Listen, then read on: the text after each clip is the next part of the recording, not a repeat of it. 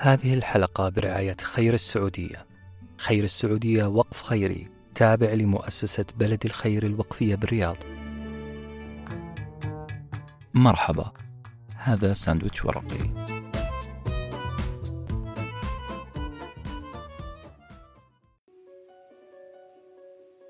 صباح ومساء الخير.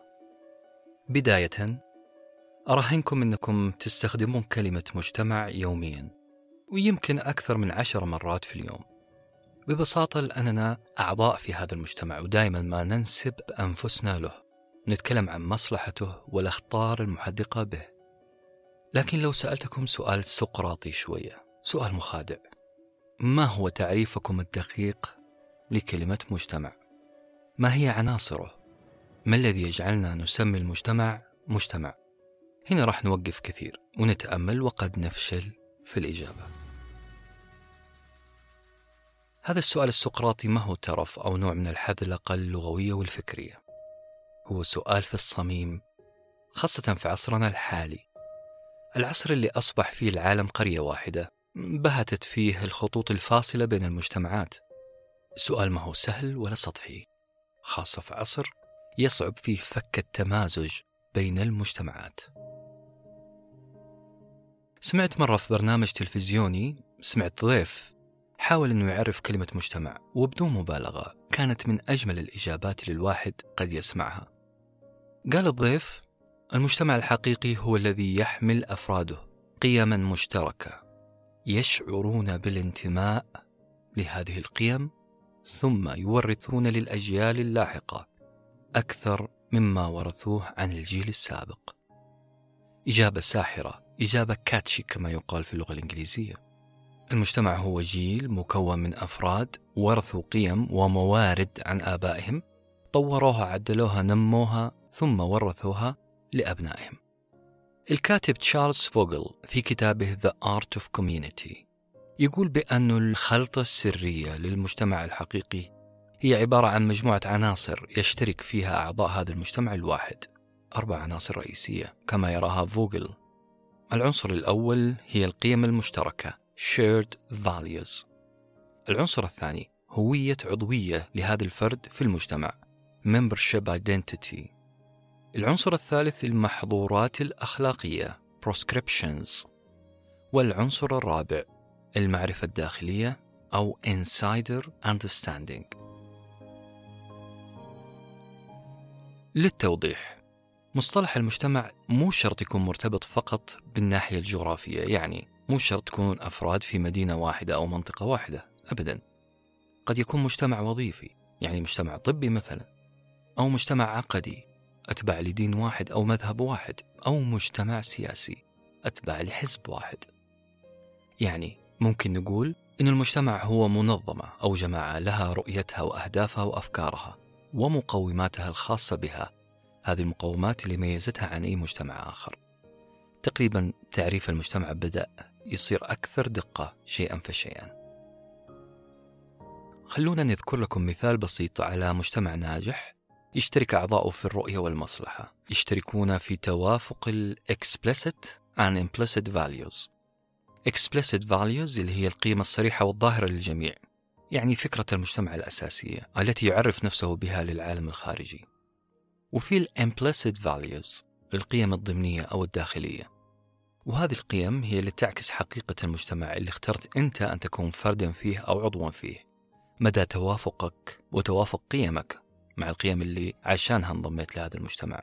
هذه هي ال implicit values. وخلونا ناخذ مثال.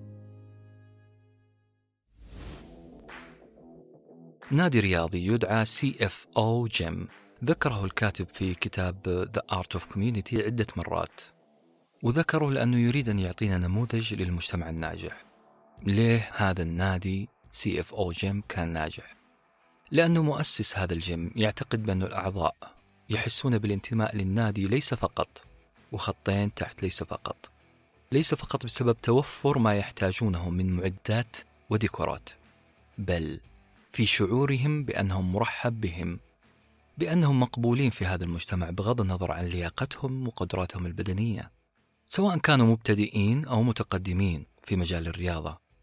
المجتمع الناجح هو الذي يستطيع أن يوجد تواصل فيما بين أعضاء هذا النادي يعني الشعور بالانتماء واللي يتحقق بدءا من التشجيع وتفهم القدرات الجسدية ومراعاة المبتدئين. عملية التوافق ما بين المتقدمين والمبتدئين هي ما تصنع مجتمع ناجح. زي ما قال مؤلف الكتاب هذا النادي هو مجتمع يفهم جيدا رأس مال نجاحه ومكسبه الحقيقي. بيغوفيتش في كتابه هروبي إلى الحرية قال جملة عظيمة عن المجتمعات. يقول حجر التجربة لمجتمع ما هو علاقته تجاه الأضداد وثانيا تجاه المرضى والعجزة وغير القادرين. يقصد هنا أن المجتمع الناجح هو المجتمع اللي يستطيع أن يجمع أضداده. داخل دائرة مجتمعية حميمة.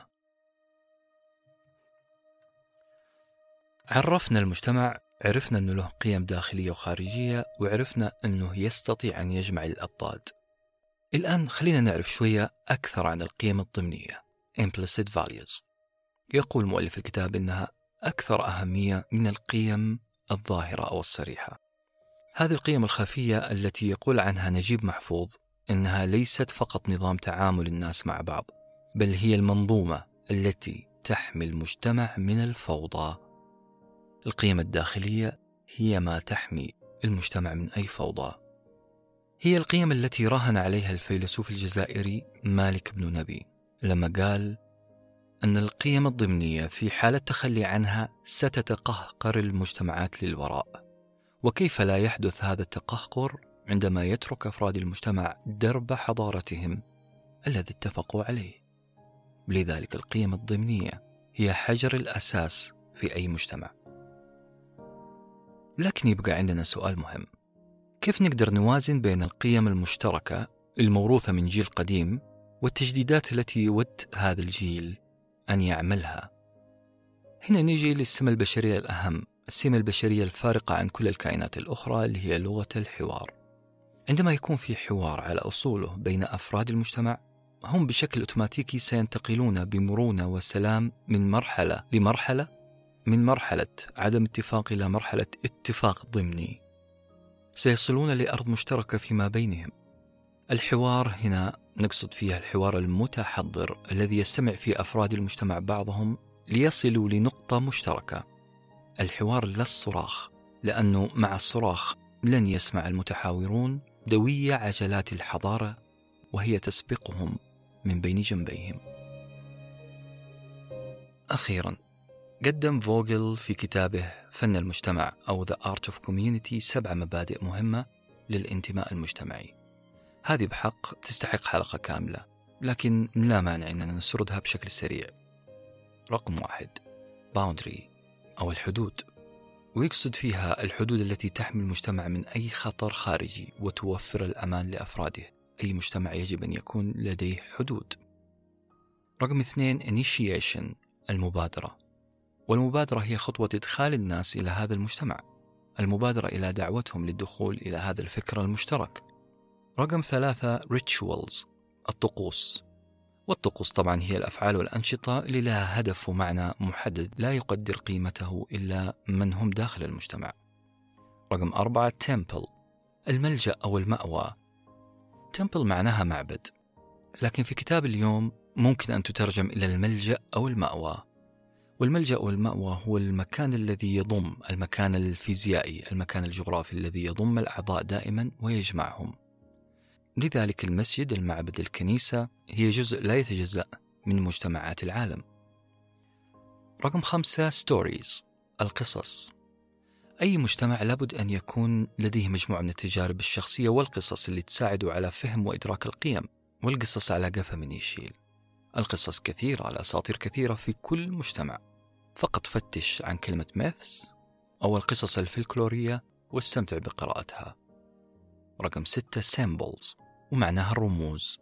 كل مجتمع له رموزه التي تعكس توجهه وأولوياته. هذه الأشياء تظهر في اللغة غالبا وفي بعض السلوكيات الخارجية. رقم سبعة inner rings الدوائر الداخلية. خلينا نتكلم عن الدوائر بشكل سريع.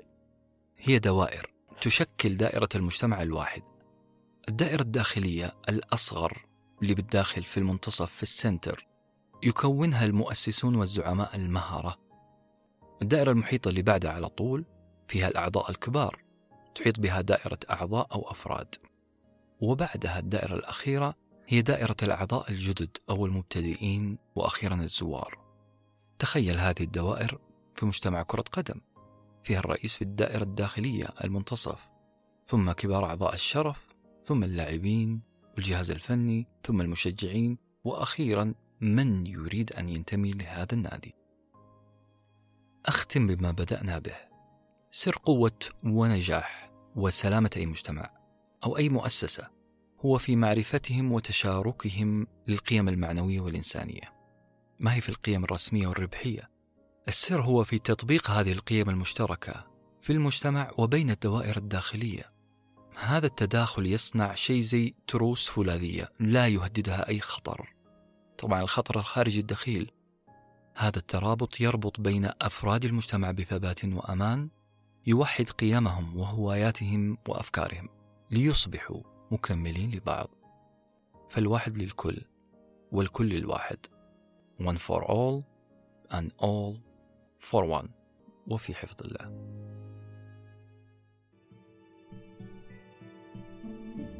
هذه الحلقة برعاية خير السعودية.